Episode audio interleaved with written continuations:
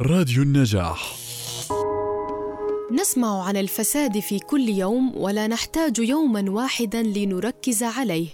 نحتاج اليوم وكل يوم لمواكبة تطوراته.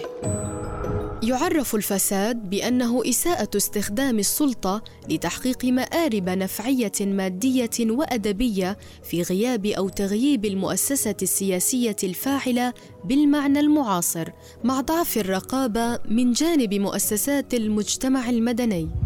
التاسع من كانون الأول من كل عام هو اليوم العالمي المخصص لمكافحة الفساد. يمثله شعار احفظوا حقوقكم واطلعوا بأدواركم وقولوا لا للفساد.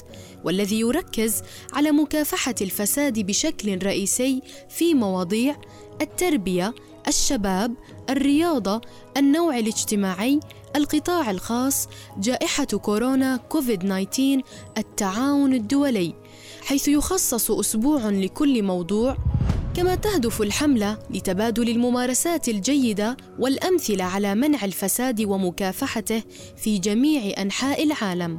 من خلال تعزيز التعاون الدولي في مكافحة الفساد ومعالجة الروابط مع الأشكال الأخرى للجريمة واسترداد الأصول المسروقة وإعادتها وتطوير حلول مبتكرة فضلا عن تعزيز قضية الوقاية بالتعليم والاستفادة من مشاركة الشباب وحشد الحلفاء في المجتمع المدني والأوساط الأكاديمية والقطاع الخاص.